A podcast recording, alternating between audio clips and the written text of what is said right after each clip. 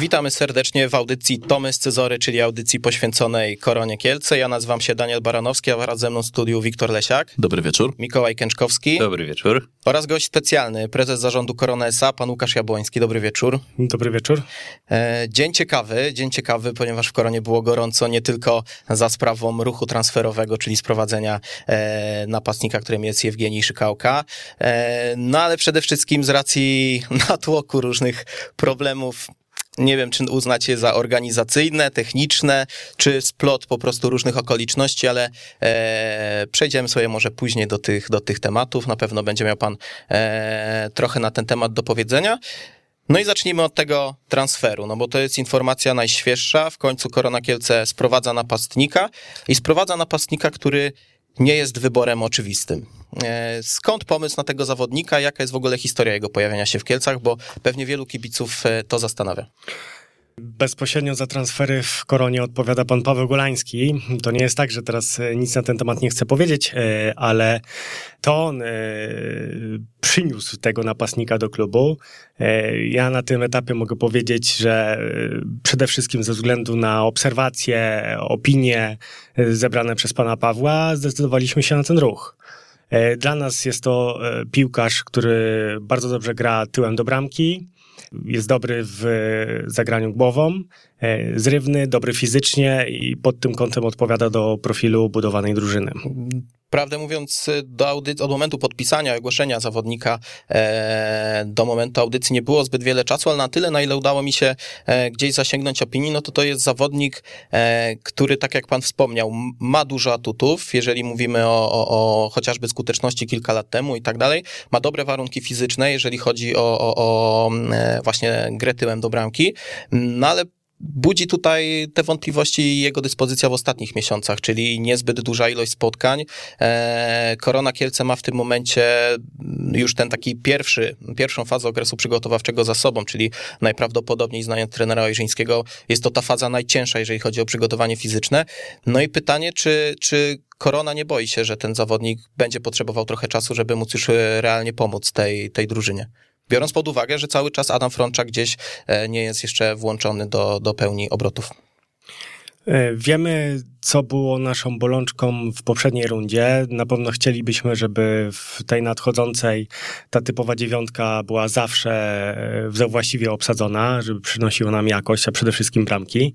Zawsze są obawy i nigdy nie ma gwarancji, bez względu na to, kto by to nie był. Oczywiście, jeżeli przyszedłby do nas w tym okienku piłkarz, który ma liczby, nie wiem, typu 10 bramek, 5 asyst, na pewno te wątpliwości byłyby zdecydowanie mniejsze. Tu rozumiem, że one mogą się pojawiać, ale dziś przeczytałem e, taki fajny komentarz. Golo, ufam tobie i tego się trzymajmy. No, myślę, że mamy podstawy ku temu, aby tutaj obdarzyć zaufaniem e, dyrektora sportowego, no bo te transfery dotychczas, które przeprowadzał, raczej, e, raczej się broniły. Czy będą jeszcze jakieś ruchy transferowe korony w tym okienku? No bo wiadomo, że personalnie pan nie powie, że tak, przyjdzie ten, wtedy i wtedy, ale czy Korona Kielce zamknęła kadrę i w momencie wyjazdu na obóz w piątek do Turcji będzie już dysponowała kadrą, która będzie e, reprezentowała ją w rundzie wiosennej, czy jednak gdzieś jeszcze jakieś tematy e, są w toku i być może e, do Korony ktoś dołączy? Tak, są w toku. Do korony na pewno ktoś jeszcze dołączy. Miejmy nadzieję, że jutro. No ale też nie powiedziane, że to jest ostatnie słowo, natomiast te pozostałe tematy są już, już bardzo wątpliwe, no aczkolwiek kto wie, może jeszcze wypalą. No, w zasadzie w Turcji bardzo często jest tak, że agenci gdzieś wypychają zawodników, którzy nie mają kontraktu z racji tego, że wiele drużyn tam stacjonuje na tych obozach przygotowawczych i nie zdziwię się, jak gdzieś prezes dostanie zaraz informację, że a mamy takiego i takiego zawodnika, czy może dołączyć do korony, to wtedy rozumiem, nie zamykacie drzwi, jeżeli będzie to ciekawe CV nie zamykamy, aczkolwiek jesteśmy odpornieni na wypychanie, także spokojnie. Okej. Okay. No dobrze. Yy, jak już jesteśmy przy tematach sportowych, to może przy nich zostańmy. Yy, Leszek Ojczyński, nowy szkoleniowiec Korony, nowy stary szkoleniowiec. Yy, znamy Leszka Ojrzyńskiego w Kielcach doskonale, wiemy jakie ma cechy, ale czym trener Ojrzyński urzekł dyrektora sportowego i prezesa Korony Kielce, że dostał szansę poprowadzenia Korony? W tym temacie wypowiem się bardzo krótko. E, dla mnie trener pan Leszek Ojrzyński ma e, w teorii, w praktyce wszystkie te cechy, których potrzebuje w tym sezonie Korona. Urzekł mnie przede wszystkim tym, że jest bardzo konkretny, stanowczy, zdecydowany i wie, czego chce. A jeżeli chodzi o aspekty sportowe, przedstawił jakąś wizję, która by, e, znaczy na pewno przedstawił, tylko czy ona się pokrywała bezpośrednio z tym, jakie oczekiwania ma e, pion sportowy i zarząd czy Korony Kielce, czy trener Ojrzyński przyszedł i z racji tego, że no, nie oszukujmy się, na rynku miał dość mocną pozycję, z racji tego, że cały czas się mówiło o zainteresowaniu Legii Warszawa, e, to czy trener Ojrzyński powiedział, moja Korona ma grać tak i tak i tak i jeżeli wam to odpowiada, to ja przychodzę do klubu, jeżeli nie, no to, no to dajemy sobie spokój. Czy w zasadzie trener nie musiał przedstawiać tej swojej wizji, bo jest ona totalnie znana przede wszystkim panu Pawłowi Golańskiemu. Znają się od lat. E, z tego co pamiętam, to pan Paweł był piłkarzem. E, tak, tak, tak, tak, tak. No jednym z kluczowych tak naprawdę. Dokładnie tak, więc no tutaj mm, chyba te rozmowy zbytnio długie nie były, tak, pod tym kątem. No, co do tego jesteśmy pewni, co do koncepcji, więc y, to było bardzo krótkie. Cel jest jasny, awans do ekstraklasy i teraz pytanie. Mm, trener Ojrzyński, jakby nie patrzeć, startuje z takiej pozycji z odrobinym, z od, delikatnym minusem, jeżeli chodzi o status punktowy względem innych drużyn. I nawet jeżeli by uzyskał więcej w tej rundzie nadchodzącej, powiedzmy o dwa punkty więcej aniżeli widzę Łódź, to nadal nie będzie miał tej pozycji gwarantującej awans do ekstraklasy. I co w sytuacji, kiedy Leszek Ojrzyński jednak e, korony do ekstraklasy nie wprowadzi. Czy, czy to jest cel minimum dla trenera, z którego będzie rozliczony, czy jeżeli e, gdzieś ta postawa korony będzie niezła, ale niewystarczająca do tego, aby awansować do ekstraklasy, to korona Kielce z trenerem się nie pożegna. No bo wiadomo, mm, brak awansu do ekstraklasy będzie na pewno wiązał się z dużymi zmianami w klubie. Przyznam szczerze, że nie lubię rozmawiać na temat e, tego, co się stanie, jeżeli tego awansu nie będzie. Po raz pierwszy zapytał mnie o to pewien radny na sesji Rady Miasta. Uważam, że na ten temat no, powinno się jak najmniej mówić. E, w piłce przynajmniej z mojego punktu widzenia, 60% to jakość, 40% to, to głowa. Jeżeli my teraz będziemy rozmawiali o tym, co będzie, jeżeli tego awansu nie będzie, no to... Mm, Czy wie pan prezes, ja też nie lubię takiego gdybania, ale uważam, że zawsze jakaś taka wizja, co mogłoby się wydarzyć, co można by zrobić, gdyby już się takie coś wydarzyło, jest istotna. Pamiętam, pana poprzednik e, nie dopuszczał takiej myśli, że korona spadnie z ekstraklasy i obiło się to bardzo szerokim echem, no i potem korona Kielce miała problem, więc e, gdzieś jakieś wizje, wiadomo, jeżeli chodzi o personalia trenerskie, no to może nie do końca e, jest to istotne, ale gdzieś wizję i taką mm, analizę, co się stanie, gdyby, myślę, że warto jednak e, gdzieś uwzględnić w tych planach. E, oczywiście wewnętrznie my je uwzględniamy, nawet zdarza nam się o tym rozmawiać, dalej rzadko. Ja mm, nie wykluczam takiej sytuacji, tak? I nawet właśnie na tej owej sesji Rady Miasta odpowiedziałem o tym, że bierzemy to pod uwagę. E, natomiast w tej chwili mm, bardziej jestem przekonany do czegoś takiego, że jeżeli w bieżącym sezonie e, nie awansujemy do ekstraklasy, to myślę, że w tym kolejnym też będzie walka o tę ekstraklasę. I żeby było jasne, nigdy nikt nie stwierdził, nie rzucił takiego stwierdzenia ekstraklasa albo śmierć w tym sezonie. Byłoby to mm, moim zdaniem idiotyczne. No to jest ważna deklaracja, bo zdaje sobie na pewno pan sprawę, że wielu kibiców się martwi, że właśnie ten sezon to jest ten o być albo nie być, że jeżeli nie będzie ekstraklasy, to nie będzie korony, e, więc deklaracja o tym, że w przypadku braku awansu celujemy w przyszłym sezonie jest bardzo ważna. Myślę, że wielu kibiców gdzieś e, czekało na takie słowa, no bo też żyją w pewnym, w pewnym zawieszeniu. E, no natomiast cel jest jasny, ta ekstraklasa jest priorytetem i jest jak najbardziej w zasięgu, szczególnie biorąc pod uwagę, że korona chyba się nie osłabi. Wpadły jakieś oferty o, na kluczowych zawodników korony, czy, czy na razie może nawet nie tyle wpadły, co czy korona Kielce jest skłonna pozbyć się zawodników e, w najbliższym czasie, czy trzymamy trzon zespołu i, i, i nie osłabiamy się? Trzymamy trzon. No to bardzo, e, bardzo dobrze. Runda jesienna. Jeżeli miałby pan ocenić sportowo mm, od takiej skali 1-10, jak by pan ocenił? Możemy rozbić sobie to nawet na puchar i na ligę, żeby, żeby było łatwiej. No chyba, że woli... Ja wolałbym nie używać punktacji, ja powiem bardzo krótko, jest olbrzymi niedosyt, ale mimo wszystko z pokorą przyjmuję te wyniki i chyba tak, jest to jedyne wyjście, tak? A nie wydaje się panu, że tkwienie w pomyśle Dominika Nowaka trwało za długo w tym wszystkim? Mogą być takie teorie, tak. Bardzo. To jest dyplomatyczna ba odpowiedź. Bardzo, bardzo dyplomatyczna, ale myślę, że też sporo mówiące, bo e, ja kiedyś się zastanawiałem, czy przypadkiem pan i pan prezes Dulnik i pan też dyrektor Golański, nie staliście się panowie troszeczkę zakładnikiem sytuacji z trenerem Bartoszkiem, gdzie mm, padły pewne deklaracje na konferencji prasowej i chwilę później, chwilę później trenera nie było w klubie.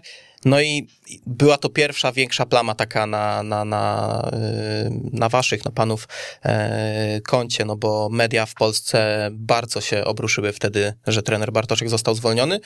I wiele, mówi, wiele osób mówiło, że to było zbyt pochopne, zbyt szybkie, że tam nie było tak naprawdę materiału ludzkiego i że teraz może po prostu Korona Kielce bała się wykonać taki ruch wcześniej, szczególnie biorąc pod uwagę, że Korona dzięki pozytywnym okolicznościom, pozytywnym wynikom innych drużyn bardzo długi czas jeszcze trwała na tym drugim miejscu dającym bezpośredni awans.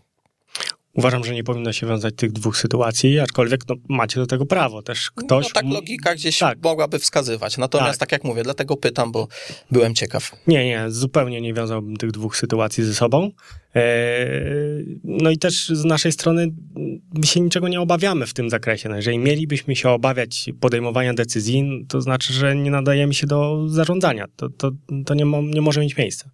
To dobrze, a wracając do te, nie, bo ja właśnie ten, ten temat tych trenerów, bo z racji tego, że yy, Korona Kielce to już zmieniła któregoś trenera w ostatnim czasie, yy, ciekaw jestem, ilu Korona ma trenerów na utrzymaniu w tym momencie. Czy to jest Dominik Nowaki, trener Leszek Ojrzyński, czy jeszcze jakieś pozostałości są? To były, e, ostatnia umowa była bardzo e, dobrą umową dla Korony, także pod tym kątem jest ok.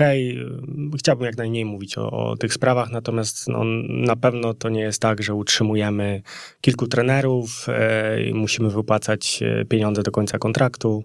Ostatnia umowa była bardzo dobra dla Korony. No to rozsądna to cieszy na pewno, bo mm, wiele tych umów wcześniejszych było nierozsądnych jeszcze z lat poprzednich i gdzieś tam czkawką się na pewno. Wiem, mamy jeszcze kilka tak? Tak. Ale to, to jest też dosyć powszechne ogólnie w piłce polskiej, że trenerzy, którzy są zwalniani po krótkim okresie czasu, jak na przykład Legia Warszawa w ostatnim czasie okazało się, że mają tam trzech czy czterech trenerów na utrzymaniu też. Między innymi pewnie dlatego Wukowicz wrócił do, do Legii, bo nie było ich stać na nowy kontrakt. No tak, właśnie stąd moje pytanie, bo ten kasus Wukowicza był dla mnie e, takim punktem wyjścia, no, że ci trenerzy gdzieś są na utrzymaniu. Wisła Kraków swego czasu miała taki problem, że tam chyba było trzech albo czterech trenerów i to trenerów e, z bardzo wysokimi uposażeniami, bo to był chyba Kiko Ramirez jeszcze, nie wiem czy nie Dariusz Wdowczyk i że tam naprawdę tych, tych wynagrodzeń było dużo i, i byłem ciekaw jak to wygląda u nas, ale jeżeli tak to wygląda, no to e, to korona jest mądrzejsza w tym zakresie. A mnie jeszcze ciekawi jedna rzecz, bo na ile mieliście panowie z, z pewnie z prezesem Dulnikiem taki dylemat, czy zostawić jednak Dominika Nowaka na stanowisku i dać mu się wygrzebać z tego dołka, czy w ogóle był taki dylemat, czy jasno sobie powiedzieliście gdzieś przy kawie, ok, to, to jest ten moment, gdzie my już nie możemy w to brnąć i musimy postawić na innego konia? Ten dylemat trwał od dawna było wystarczająco dużo czasu, żeby to przemyśleć.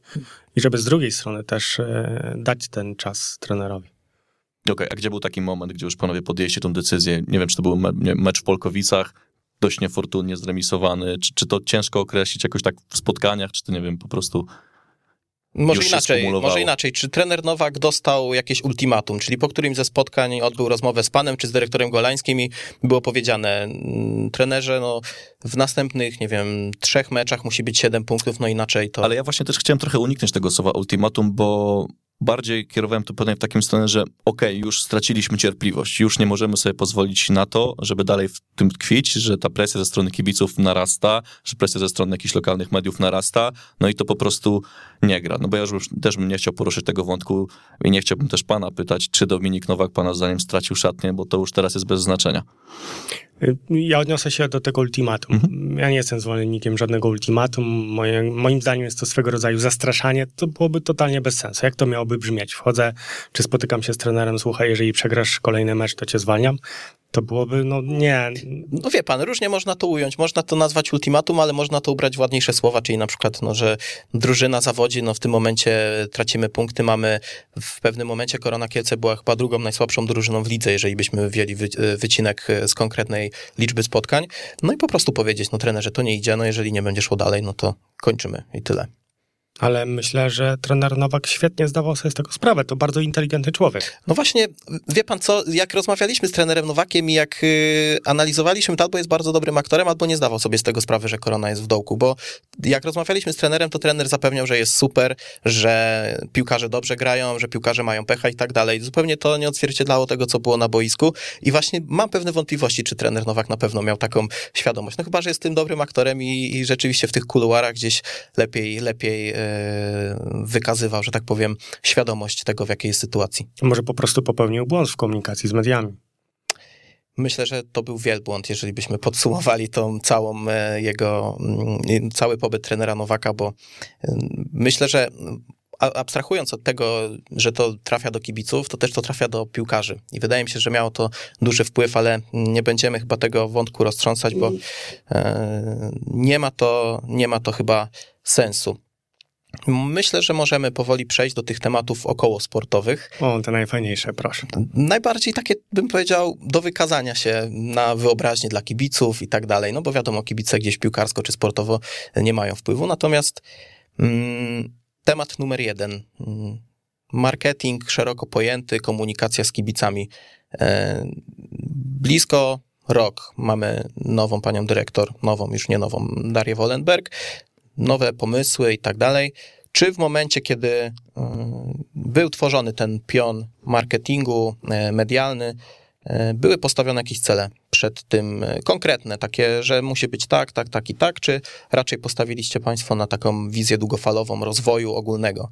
Bo ciekaw jestem, bo my tutaj dywagujemy od, od roku już blisko, czy takie cele były postawione i czy z takich celów jest potem ktoś rozliczany? Tak, e, cele były postawione, ale te cele nie były aż tak ambitne, e, jak kibice by tego oczekiwali, tak? E, przy tej okazji, o, może w tej chwili będę mógł trochę szerzej opowiedzieć o tym, co się dzieje pozasportowo. Chciałbym, żebyśmy wszyscy zdawali sobie sprawę z tego, że jeszcze 14 miesięcy temu korony mogłoby nie być. Takie są fakty. Przychodząc bodajże 10 listopada 2020 roku, miałem chyba cztery kartki, a cztery zaległości do piłkarzy i pracowników, 20 chyba jeden kartek, a cztery zaległości do e, różnych dostawców. E, na koncie było chyba ze 100 tysięcy złotych. Ten klub tak naprawdę nie miał prawa istnieć dalej. I okej, okay, zgodzę się z tym, że no, to jest klub sportowy, tutaj wszyscy powinni podchodzić ambitnie, począwszy od e, sfery tej sportowej, skończywszy na marketingu, administracji, sklepie kibica i tak dalej, i tak dalej.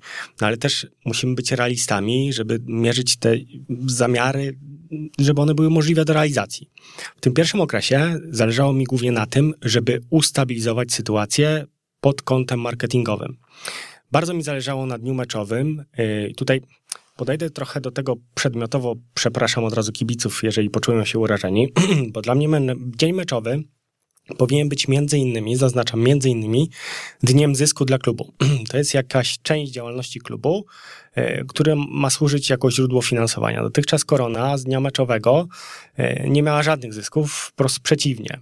Stąd też pojawił się, znaczy może nie tyle pomysł, co decyzja o delikatnej podwyżce cen biletów. Z góry było wiadomo, że to nie spotka się z aplauzem kibiców, no bo ja nie, nie spotkałem się z czymś takim, że jeżeli gdzieś ceny rosną, to ktoś, kto ma to kupować za te zwiększone ceny, będzie z tego powodu uszczęśliwiony.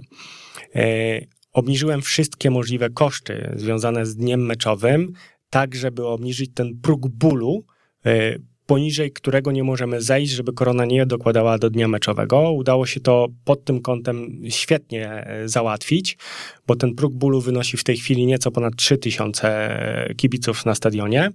I już od tego momentu korona zarabia na tym dniu meczowym. To jest jakieś źródło finansowania korony. No przecież powszechnie się mówi, że kupujesz bilet czy karnet, to wspierasz klub i to jest czysta prawda.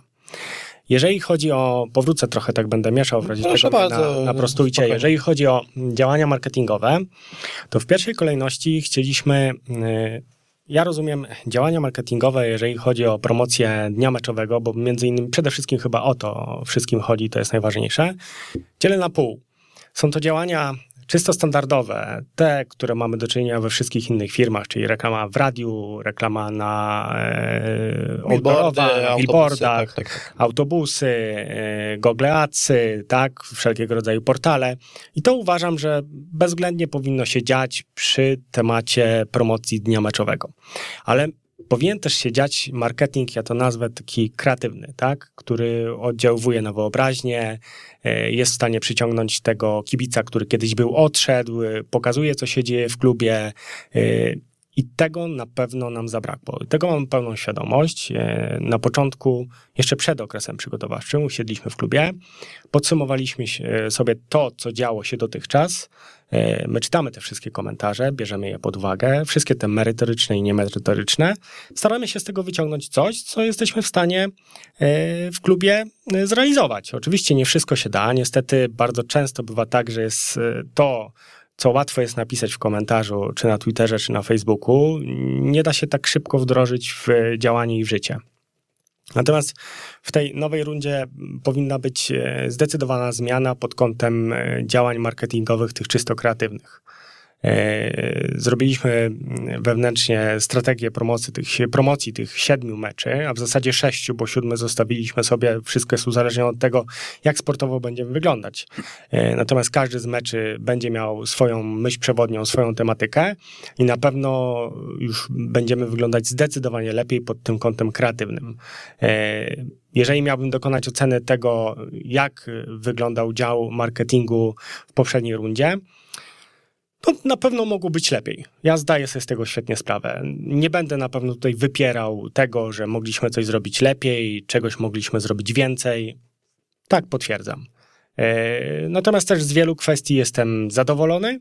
E, Jest zdecydowanie wszystko lepiej poukładane. Ta komunikacja wewnątrz, kultura pracy e, jest na zupełnie innym poziomie. Też nastawienie e, względem nowych pomysłów jest zupełnie inne. Ja pamiętam, jak mm, bodajże w grudniu, proszę mnie nie łapać za dokładną datę, jeszcze wtedy nie było zmian w dziale marketingu i komunikacji. Ktoś rzucił jakieś hasło, żeby wprowadzić znowu bilety te wirtualne. To w grudniu. Tak, to ty z błahe, można by było powiedzieć, że oklepane, wszyscy to robią i tak dalej. No dlaczego nie? Zróbmy to. No niestety, U nas chyba w ogóle na audycji pierwszy raz po, po taki pomysł padł. Bardzo możliwe. No więc tak mi się wydaje. Więc, y, po, do, ja, broń Boże, tutaj się nie będę teraz z tym e, chwalił, ale chodzi o sam fakt, że to jest potwierdzenie tego, że ktoś tam słucha, ewentualnie e, Tak. wyciąga wnioski. No to akurat ja słuchałem, ale okej. No Okej, to ktoś tam słucha. Ktoś tam słucha. Tak. E, no dobrze, i dalej. E, chciałem, żebyśmy to zrobili. Usłyszałem tylko, nie, to nie ma sensu, i tak, tam sprzedamy może ze 100, po co to robić, im to i tak wszystko nie pasuje. Jedno jest pewne, nie mogę dopuścić i nigdy nie dopuszczę do czegoś takiego, jak ponowne zabetonowanie klubu e, na te głosy z zewnątrz. Nigdy nie będziemy najmądrzejsi e, i zawsze powinniśmy słuchać tych głosów z zewnątrz. To nie znaczy, że wszystko przeklepiemy i zrobimy w tym klubie, bo też musimy być asertywni, natomiast jesteśmy otwarci i będziemy na pewno otwarci. E, Nie wiem, czy spełnimy wszystkie oczekiwania, pewnie nie i nawet do tego nie aspirujemy, natomiast e, na pewno chcę, żeby był widoczny zdecydowany progres. W kontekście tych y, może głosów z zewnątrz, y, ja kojarzę na samym początku tego, nazwijmy to, nowego otwarcia, powstała taka lista pomysłów i propozycji od klientów. Czy zdarza się wam gdzieś w klubie ją odkopywać, żeby zerkać, co ciekawego mieli y, kibice do, do, do powiedzenia? Y, Czy może któryś z tych pomysłów już jest możliwy do wdrożenia, czy raczej to jest gdzieś tam zakopane? Nie, my niczego nie zakopujemy. Wszystko leży na wierzchu. Nie korzystamy z tych rzeczy, oczywiście, że tak. Okej. Ja się chciałem odnieść do pana słów wcześniejszych, czyli mm, tego podejścia, a im wszystko nie pasuje. Mhm. Tak powinno być? Oczywiście, że nie. Właśnie ja odnoszę wrażenie, że mm, może to będzie krzywdzące dla, dla działu marketingu, mm, pionu, nie wiem jak, jak to strukturalnie wygląda, ale odnoszę wrażenie, że tak, uściślając, kibice Korony Kielce przede wszystkim mają w sercu dobro Korony Kielce i to jest oczywiste. Nikt się nie przywiązuje w Kielcach, e, może będę teraz brutalny, ale nikt się nie przywiązuje do pani dyrektor marketingu, do pana prezesa, z całym szacunkiem. Kibice są e, z klubem. Jeżeli jakakolwiek uwaga trafia nie wiem, czy odnośnie pracy prezesa, czy odnośnie pracy pani dyrektor, czy odnośnie pracy pana dyrektora sportowego, czy kogokolwiek innego, to nie jest to uwaga, która jest skierowana personalnie, tylko jest to uwaga, która ma na celu polepszenie pewnej mm, jakości w tym klubie, w tym konkretnym obszarze. I odnoszę wrażenie, że właśnie taki stworzył się syndrom oblężonej twierdzy w Kielcach i to, było, to był znak taki rozpoznawczy poprzednich władz, czyli nie będę już tych nazwisk wspominał, bo kibice sobie spokojnie słuchałem audycji, pewnie bym im podniósł ciśnienie, natomiast mm, każda uwaga jest odbierana jako atak I, i odnoszę takie wrażenie, że gdzieś ta ofensywa, y, czy to w mediach społecznościowych, y, szczególnie w takich dniach jak dzisiaj, gdzie po prostu z różnych splotu nie, niekorzystnych okoliczności y, kilka rzeczy po prostu mówiąc kolokwialnie się wysypało. Wiadomo, że jest nerwówka, ale w momencie, kiedy ktoś się odnosi do jakichś spraw, to jest to traktowane jako atak, gdzie jest to racjonalnie poparte argumentami zwrócenie uwagi na pewne kwestie, które nie działają korzystnie. I pan nie powie na pewno, ale kibice odnoszą takie wrażenie, że troszeczkę jakby korona ma tą taką nerwową otoczkę, jeżeli chodzi o, o po prostu dział marketingu, nazwijmy to, który jest jeszcze pokłosiem tego, że kibice po prostu bardzo negatywnie wypowiadali się jeszcze na temat poprzedniego biura prasowego. No i gdzieś po prostu ta frustracja, nazwijmy to, mm, nie jest może tak, na takim samym poziomie, ale gdzieś występuje wśród kibiców, bo mają duże oczekiwania, bo im zależy i że pomimo roku pracy tego działu, cały czas gdzieś jakieś błędy się zdarzają i to jest oczywiste, bo będą się zdarzać wszędzie, ale każde takie wytknięcie przez kibiców takiego błędu jest odbierane jako atak. Czy to słusznie? O, mógłbym powiedzieć, że wygląda to zupełnie inaczej, ale chyba nie do końca chodzi o to, co ja o tym myślę, czy co myślą o tym pracownicy, tylko jak wy to odbieracie, tak? No, skoro wy odbieracie to w ten sposób, że z kolei ktoś w koronie odbiera to jako atak, no to wyraźnie musimy nad tym popracować, tak? E, dla mnie nie wiem, jak coś czytam, oczywiście są takie pierwsze e, emocje, że o, znowu atak. No, to jest naturalne, to jest takie ludzkie. Myślę, że każdy z was każdy na, na tym miejscu gdzieś... No, zapala się taka kontrolka. To jest normalny ludzki odruch, ale zgadzam się w zupełności. To nie powinno tak wyglądać i myślę, że dogłębnie to wcale tak nie wygląda. Teraz nie próbuję odwrócić kota ogonem, bo byłoby to bezsensowne. Natomiast no, na pewno musimy nad tym popracować, tak? A na ile to jest tak, że dział marketingu dostał pełną swobodę w, jakby w określeniu swoich działań i okej, okay, zespół pod, pod tam wodzą dyrektora sobie pracuje, realizuje sobie swoje wizje, e, a pan tylko jakby, mówiąc też kolokwialnie, przygląda się temu i ocenia tą pracę po jakimś czasie? A czy, czy może to jest tak, że jednak regularnie macie jakieś takie spotkania i sobie analizujecie to wszystko, co dzieje się i w social media i tym, jak ten plan jest realizowany? Skracając, na ile dział marketingu czuje oddech prezesa Korony nad swoimi działaniami, a na ile jest puszczony, tak mówiąc też kolokwialnie, samopas. Wprowadziłem zupełnie inną kulturę e, komunikacji z pracownikami, nie tylko w dziale e, marketingu i komunikacji, ale we wszystkich działach. Nikt ma nie czuć oddechu prezesa, bo to jest zupełnie bez sensu. Tam nie ma żadnego zastraszania. A teraz jak wejdzie się do korony i każdy, kto nie był w niej, nie wiem, rok czy dwa, mówi, że czuć inną atmosferę w powietrzu. I nie mówię tego tutaj, żeby siebie jakoś podbudowywać i upiększać, no ale jest zupełnie inaczej. Natomiast powracając do tego pytania, odnosząc się do tego, e, spotykamy się regularnie e, i no nic nie dzieje się w koronie, co nie jest gdzieś tam finalnie za moim pozwoleniem. Oczywiście nikt nie pyta mnie, czy mogę wrzucić dziś taki albo inny post na Facebooka czy na Twittera, bo byłoby to zupełnie bez sensu. To wtedy ten klub byłby totalnie sparaliżowany. E, mamy swoje wnioski, słuchamy kibiców. Jeżeli bylibyśmy przekonani, że wszystko, co, co działo się dotychczas jest ok, to nie wprowadzalibyśmy żadnych zmian. Znaczy, ja odnoszę takie wrażenie, patrząc z zewnątrz, że w tym momencie runda wiosenna tego sezonu będzie dla tej struktury kluczowa. No bo jakby nie patrzeć, mamy praktycznie rok, od kiedy doszło do tych zmian. Zeszły sezon, no to wiadomo, troszeczkę inna korona, troszeczkę inne warunki. E, też jeszcze zaczynaliśmy z pandemią, gdzie tych meczów bardzo wiele rozgrywaliśmy przy pustych trybunach. E, no i w tym momencie tak naprawdę mamy za sobą pierwszą taką pełną rundę, gdzie ten dział marketingu, marketingu mógł się w pełni wykazać, jeżeli chodzi o te akcje promocyjne. No i że teraz czas na wyciąganie, wyciąganie wniosków, tak jak pan mówi. E, no i czy teraz nie będzie takie make or break właśnie w koronie, że ten dział marketingu ma taką w tej formie ostatnią szansę, żeby, żeby się wykazać, tym bardziej, że mm, nie lubię tego słowa, ale ma samograja w postaci Leszka Ojrzyńskiego, który może być fundamentem do tego, żeby gdzieś tą e, tożsamość, e, tą miłość kibiców do korony i tą frekwencję w ostatecznym rozrachunku zdecydowanie zwiększyć. Czy ta runda będzie kluczowa, jeżeli e, chodzi o te kwestie? Znowuż odpowiem zupełnie inaczej. To cenię, dobrze. Cenię sobie lojalność. Ale lojalność nie tylko kluczowego pracownika w stosunku do mnie, ale również e, moją lojalność w stosunku do tego kluczowego pracownika. Pamiętam, jak kiedyś, e, właśnie to jest ta, ta otwartość, tutaj też trzeba być asertywnym. Zadzwonił do mnie pewien agent, który zaczął mi nadawać na Pawła Kolańskiego. E, no niestety, ale odprawiłem, delikatnie mówiąc, gościa z kwitkiem. O wszystkim dowiedział się pan Paweł.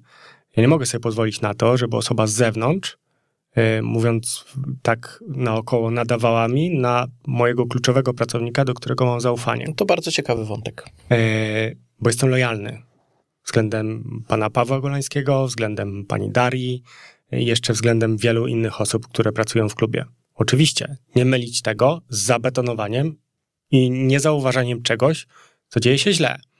Natomiast no, powolutku zaczynamy robić taką delikatną rzeź nad panią Darią. Mm, ja jestem swego rodzaju hamulcowym y, w działaniach marketingowych, dlatego że w większości działania marketingowe kosztują, a ja nie wyrażam zgody na realizację dodatkowych kosztów. Stąd, oczywiście, to nie jest tłumaczenie, to tylko wyjaśnianie pewnych kwestii. Bo zaraz możecie powiedzieć, że no sorry bardzo, co ty mi tu mówisz, przecież możemy szereg działań różnych marketingowych zrobić totalnie bezkosztowo i też będziecie mieli rację. Natomiast w wielu przypadkach to ja hamowałem pewne działania, bo nas na to najnormalniej w świecie nie było i nie jest stać. Musimy powolutku iść do przodu. Ta runda już na pewno będzie zdecydowanie inna, co nie oznacza, że korona jest już w takiej kondycji, że może sobie na, na wiele pozwolić. I my tu nie mówimy w tej chwili o wydatkach rzędu 10, 20 czy 30 tysięcy złotych. E, ostatnio niestety, ale byłem zmuszony obciąć kilka pomysłów, które kosztowały po 800 czy 700 złotych, tak? ale muszę przekazać środki, których nie miałem zabezpieczonych w budżetu, w budżecie, na to, żeby kupić e, kilka czytników więcej, żeby e, polepszyć ten proces wejścia na stadion. Muszę to zważyć. Nie mogę iść w takim kierunku, żeby naprawiać w klubie wszystko, ale w taki sposób, żeby budować znowu tyły. Jakbyście mnie zapytali, może gdzieś tam jest takie pytanie, czy jest jakiś sukces tych ostatnich, nie wiem, 14 miesięcy, to ja bym powiedział, że tym sukcesem, ale nie do przypinania jeszcze medalu, jest to, że korona nie zwiększa zadłużenia, wprost przeciwnie go spłaca i reguluje wszystkie bieżące zobowiązania względem wszystkich. To jest dosyć istotne w funkcjonowaniu klubu sportowego, w szczególności korony, gdzie mieliśmy takie dwa podstawowe cele pozasportowe odbudowanie wiarygodności wśród partnerów, wśród kibiców, wśród ludzi i powolne, może zbyt powolne, ale odbudowywanie marki, wizerunku. Marka wydaje mi się, że idzie nawet szybciej niż, niż mogłoby się wydawać, bo y, pamiętam koronę z zeszłego sezonu, pamiętam odbiór korony gdzieś w mediach i y, korona była tym takim złem polskiej piłki, czyli wiadomo, zaciąg bałkański y, z drugiej ligi chorwackiej i tak dalej. Natomiast, I klubem memem trochę też, tak, za sprawą no, niektórych osób. No, zdecydowanie, zdecydowanie i, i jeżeli ma być szczery, jeżeli chodzi o odbiór korony, my też mamy troszeczkę inną perspektywę tutaj tutaj w Warszawie, no bo mm, w Kielcach wszyscy są w Kielcach, wszyscy są Kielczanami, odbierają sobie koronę w ten sam sposób. To jak media gdzieś przekażą to e, lokalne, czy jak sami kibice się zainteresują. Natomiast w Warszawie, mm, no gdzieś obracamy się w różnych środowiskach i gdzieś ludzie się interesują tym wszystkimi. E, sam wiem, jaki jest odbiór korony w tym momencie, jaki był powiedzmy, nie wiem, 2-3 lata temu, więc jest to duża różnica, jeżeli chodzi o takiego postronnego kibica, no ale też jeżeli chodzi o, o przekaz medialny, no widać na Twitterze co piszą niektórzy dziennikarze. Nie wiem, e, może tam jakieś są e, super sztuczki pan prezes stosuje, że, że no chyba Łukasz Grabowski wczoraj pisał, że wraca normalność i super. Chyba Napisał, że wróciła. Wróciła. Wróciła, no tak. to tak. No No, to ale to- przejęzyczyłem się, ale chodzi o sam Dosyć fakt. istotne przejęzyczenie. Bardzo istotne, ma pan rację. No i mm, tak y, oceniając to jako przez całokształt, przez pryzmat całokształtu tego odbioru, no to myślę, że jest duża różnica i chyba nawet większa niż się spodziewaliśmy. I myślę, że same e, wyniki i same transfery, które też zostały wykonane w, przed e, sezonem, jakie wyniki były notowane na początku rundy jesiennej, chyba tutaj najlepiej działają na, ten, na tą markę korony, która mm, no może nie była najwyższa, ale była całkiem istotna w polskiej piłce. Ja jeszcze może kończąc ten wątek marketingu, bo wydaje mi się, że już długo dość o tym rozmawiamy. Nie, no ja dopiero zacząłem. Tak? O, Mhm. a to będę cię ja hamował piętą, bo tam czas, czas goni. Spokojnie. E, Bo też wielu kibiców się zastanawiało, oczywiście mówimy tu o funkcjonowaniu naszego marketingu i to, co nam pan powiedział, super. Natomiast punktem odniesienia dla marketingu Korony, no ciężko unikać tego tematu, jest marketing Vive. Tak, no wiadomo, nie ma co porównywać klubów, rozpoznawalności, jeśli chodzi o osiągnięcia sportowe, tak, i ogólnopolskie, no i te europejskie. Mam nadzieję, że te europejskie przed nami dopiero. Natomiast y, pytanie jest takie, czy pomiędzy klubami następuje jakaś taka wymiana informacji, bo ciężko mówić pewnie o współpracy mimo wszystko, chociaż ostatnio widzieliśmy przykład, gdzie, gdzie marketing Vive y, bardzo fajnie pomógł y, i Darii i chłopakom w jakichś tam niefortunnych okolicznościach. Czy taka współpraca Pana zdaniem powinna być kontynuowana, ale na zasadzie nie wyręczania się pracą, tylko właśnie wymiany informacji, co można poprawić albo czego można zaczerpnąć, czy raczej, no mówimy o tym braku zabetonowania, wiadomo, czy raczej skupiamy się na swoich pomysłach, y, skupiamy się na swojej dyscyplinie, bo wiadomo, że to prawdopodobnie nie jest y, jeden do jeden, chociaż odbiorca jest końcowo ten sam i końcowo to się wszystko rozbija o, o sport i kieleckiego odbiorcę. Rzeczywiście, że tak. E, I tutaj fajnie, że o tym pan wspomniał. E, No właśnie, gdyby było tak źle gdybyśmy byli, przepraszam, ale będę ciągle o tym wspominał, tak totalnie zabetonowani, to nasze ego, e, nasze przekonanie o naszej, sorry za wyrażenie, samozajebistości nie pozwoliłoby nam na to, żeby zgłosić się do Vive i poprosić o pomoc, tak? Także ja cenię i szanuję bardzo ten klub za osiągnięcia, za to właśnie jaką markę zrobili, jak ważnym są elementem kieleckiego sportu. Uważam, że taka współpraca powinna mieć miejsce. Zresztą w poprzedniej rundzie, z tego co kojarzę, to nawet nasi piłkarze Tak, ubrani byli- poszli na jeden byli- byli. z e, meczów. Było coś tak? takiego, no? E, powolutku, powolutku staramy się to wykorzystywać. E, też fajnie, że pan poruszył w ogóle temat mm, piłki ręcznej. Mam takie wrażenie, może mylne, chyba mam nadzieję, że mnie poprzecie, jak nie to trudno, że mimochodem, ale jednak próbuje się zrobić taki mały konflikt pomiędzy Koroną a, a Vive. Ja się zgodzę, ale y, szukam źródła tego konfliktu, bo wydaje mi właśnie. się, że bardziej. Ja chyba znam podprogowo to źródło. No właśnie, ja nie chcę rzucać nazwiskami, Ja ale wydaje mi się, że to nie jest po stronie korony ten konflikt. W żaden sposób. Bo, powiem tak, fajnie, że tutaj jestem i mogę o tym powiedzieć, gdzieś na pewno to wybrzmi. Pełen szacunek do Łomża, Vive, Kielce. E, uważam, że jest to świetny klub. Kibicuję mu e, i niech mu się dzieje jak najlepiej.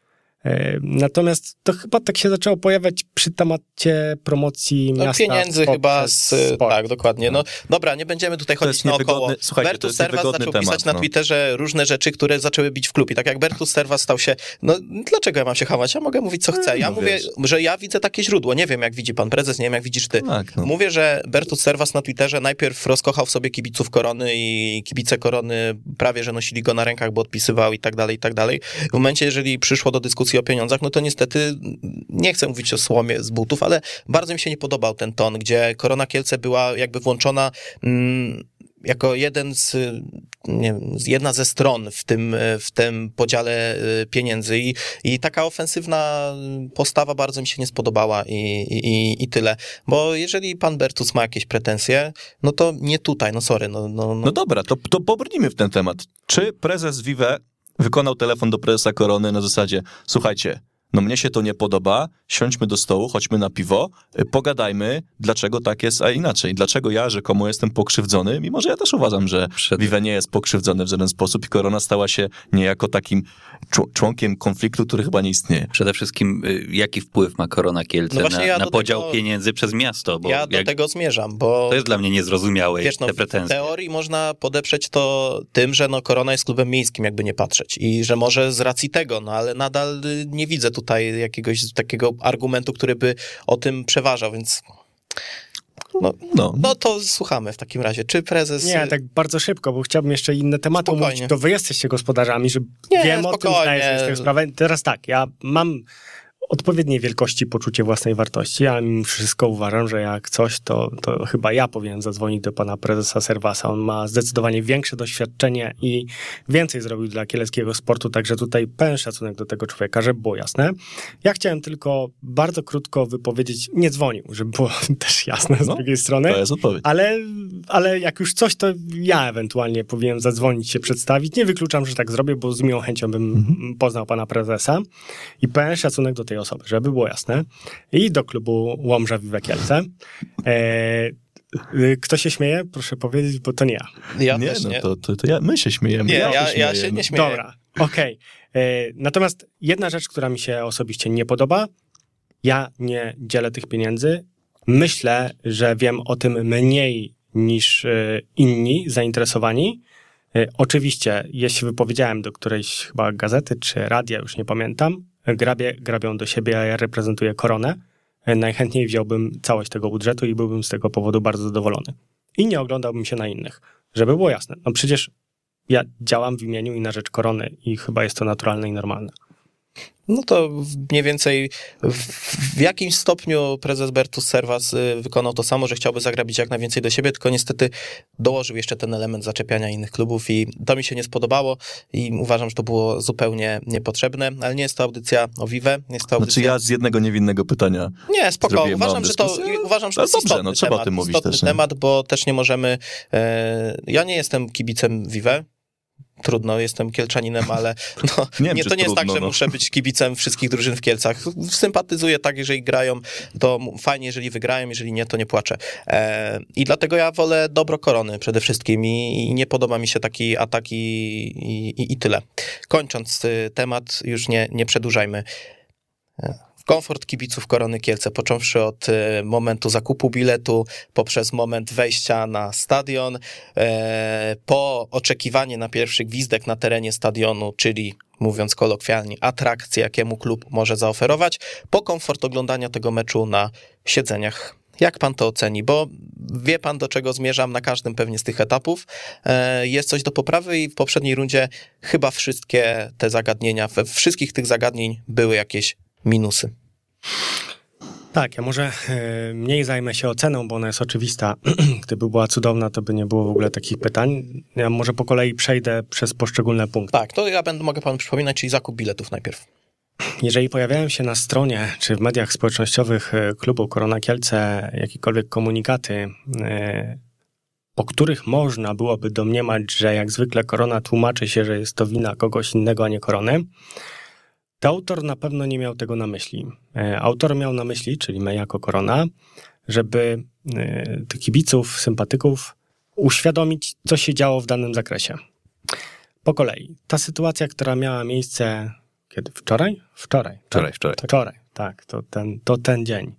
E, Ze swojej strony, no super poważnie, chciałbym przeprosić wszystkich kibiców Korony Kielce i teraz jestem śmiertelnie poważny. Taka sytuacja nigdy nie powinna mieć miejsca i to jest skandal.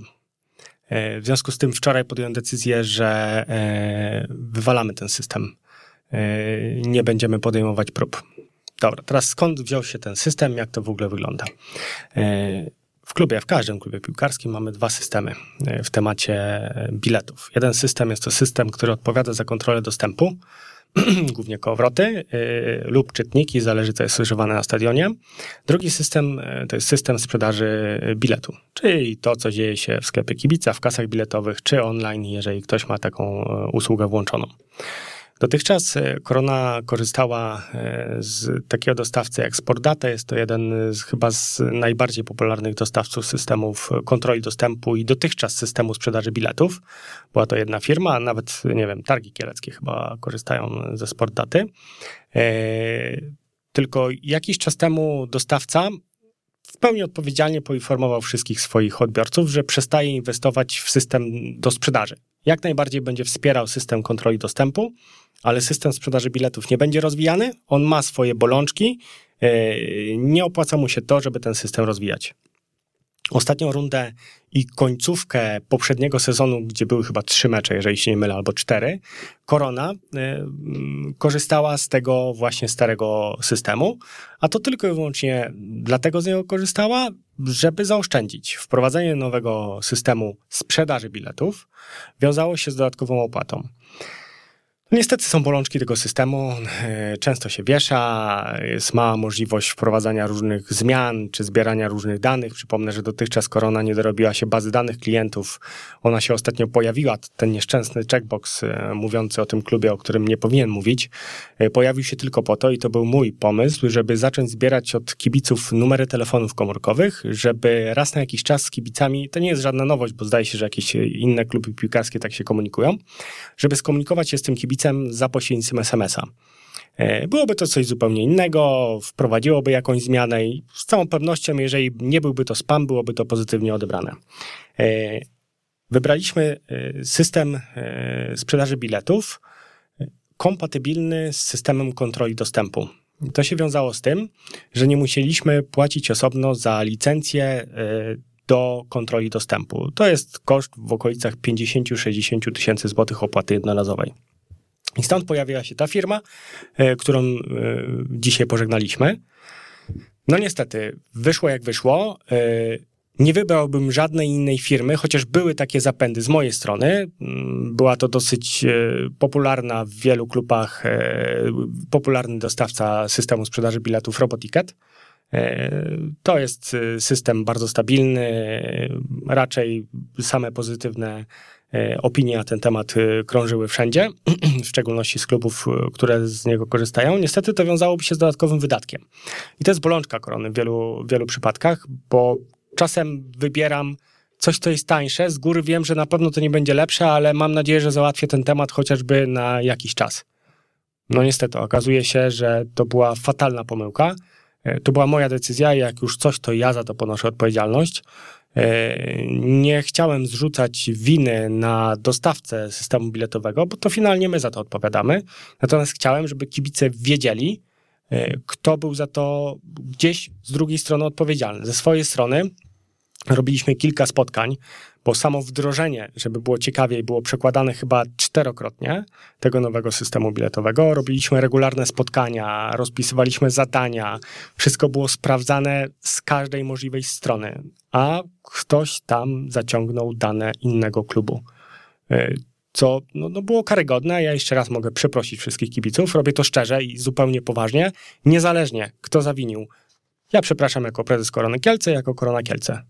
E, niestety, albo stety, albo na szczęście, nie będziemy dalej eksperymentować, wracamy do starego systemu i tę rundę dojedziemy na starym systemie, ale na nowym e, serwerze, więc powinno być szybciej e, i na pewno nie powinno być jakichś większych problemów. Ale co jest dla mnie ważniejsze, przy, przed każdym meczem, niektórzy może i mnie widzą, strasznie interesuje mnie korek na, na kowrotach. E, to był problem, o którym wiedziałem, e, jak tylko przyszedłem do korony. Że... Płynnie pan przeszedł bardzo, bo właśnie chciałem o kołowrotkach porozmawiać zaraz. Więc. Super, nawet o gołębiach porozmawiamy, bo tak, nie, to, na końcu są to, gołębie. To są poważne sprawy. Ja wiem. Tak? E, My kiedyś pół godziny na ten temat rozmawialiśmy, więc. Szkoda, że zostało nam 15 minut. I to nie o okresie lęgowym. Dobra, jadę, bo nie ma czasu. E... Kołowrotki. Przed każdym meczem stoję i obserwuję, jak wygląda sytuacja od ulicy Ściegiennego, tak żeby w odpowiednim momencie mógł, móc w miarę możliwości zareagować, tak żeby upłynnić ten ruch. E, niestety na tym sprzęcie nie da się tego zrobić. E, my już robiliśmy no, coś bardzo strasznego, bo puszczaliśmy ludzi z palca, e, co nie powinno mieć miejsca. ale tylko po to, żeby w miarę możliwości upłyniać ten ruch. Kołowrotki, na kołowrotkach dotychczas, nie wiem, jakiś czas temu były reklamy. Te reklamy były zanitowane, ktoś zdemontował te reklamy, e, ale jakby nie zaślepił dziur powstałych po tych nitach. I ze względu na to, że tam były dziury, lała się woda, cała elektronika w kołowrotach jest do wyrzucenia. Te kołowroty do niczego się nie nadają. W tej chwili, jeżeli chcielibyśmy, tak, Dlaczego się dziwicie? No ja jestem odrobinę zszokowany, a, a, abstrakcyjne, co... co... Tak. Nie, ale no ma, mieliśmy rozmawiać nie, no, nie, o, o oczywiście, mam, pewnie, oczywiście. że tak. No, to... to... nie jest w żaden sposób przytyk do pana, tylko do całej sytuacji, coś... która... Jeśli się czymś interesujemy, to robimy to poważnie. No oczywiście. Tak, że tak. E, ten sprzęt jest już totalnie do wyrzucenia. To, że on nawet działa w taki sposób, to to jest cud. E, nie ma możliwości, żeby Korona jako klub albo miasto, czyli Mosir, zainwestowało w nowe kołowroty. Nie chcę teraz przestrzelić, mam gdzieś wycenę na mailu, ale byłby to koszt chyba w okolicach 5 czy 700, 700 tysięcy złotych. Mhm. Nie ma takiej możliwości. Wpadliśmy na, na pomysł, yy, znaczy inaczej, jedynym sensownym rozwiązaniem jest zastąpienie czytników w kołowrotach zakupieniem ręcznych czytników i takich czytników będzie dokładnie 16. I w ten sposób chcemy usprawnić wejście od ulicy Ściegiennego. Wejście od Alei Legionów będzie działało w dalszym ciągu w takim systemie, jaki działa. A ile tych kołowrotów jest całkiem, całkowicie tam, ta liczba? 14 jest od Ściegiennego, od Alei Legionów 6. 6, jeden, jeden nie działa, tak, tak, tak, tak. E, no chcemy, się, chcemy coś zrobić z jednej strony, ale kompleksowo, tak? No bo byłoby bez sensu, jeżeli rzucilibyśmy, nie wiem, cztery czytniki na Ściegiennego, cztery tu, cztery gdzieś. Tym bardziej, że tak? to jest główne wejście przy kasach, więc... E, tak, i tu był największy problem. Y, będą kupione te czytniki, to będzie łącznie 16 czynników, tak, czytników, tak żeby w pełni zmienić e, proces wejścia na stadion od ulicy Ściegiennego. Mosir już ogłosił przetarg, chyba nawet dzisiaj e, to postępowanie zamyka, e, bo kupuje część czytników. Część czytników niestety musi kupić korona, na to też trzeba wygospodarować, kolokwialnie mówiąc, parę groszy. I chcemy zmienić e, troszeczkę temat związany z ochroną, bo wszystko idzie do góry, ceny wszystkiego rosną. My chcemy, oczywiście realizując cały czas założenia planu ochrony, wypełnić go w pełni, ale wprowadzić wolontariuszy, którzy będą kierowali ruchem e, właśnie w momencie odbijania się e, z biletami. Oglądałem raz, tylko raz, nagrania z kołowrotków i to od Alei Legionów no, ewidentnie jest potrzebna osoba, która będzie tym kierowała, żeby nie dopuszczać do takiej sytuacji, że człowiek podchodzący pod czytnik zaczyna szukać biletu, bo to strasznie zwalnia. I też, żeby było jasne, to, to że są korki, to nie jest wina kibiców.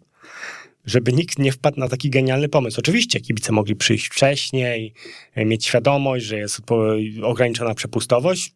Jeżeli przyjdziecie wcześniej, super. No, jest tak, jak jest. Musimy znaleźć jakieś rozwiązanie, tak żeby ten proces wejścia wyglądał lepiej. to to w tematyce e, procesu wejścia. Jeżeli chodzi o punkty sprzedaży biletów. E, Musimy szybko.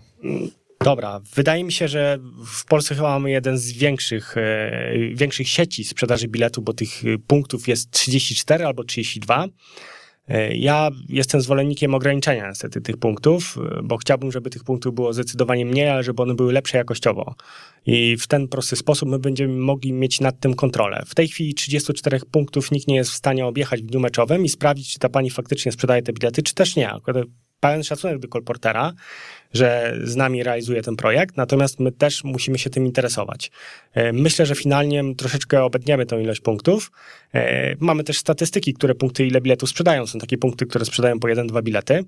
E, no i nie wiem, czy jest sens angażować w to pracownika, który ma te, tam jeździć, czy plakotować ten punkt, czy, czy, czy dbać o to, czy sprawdzać, czy nawet robić prostą rzecz jak tajemniczego klienta, czy to właściwie działa.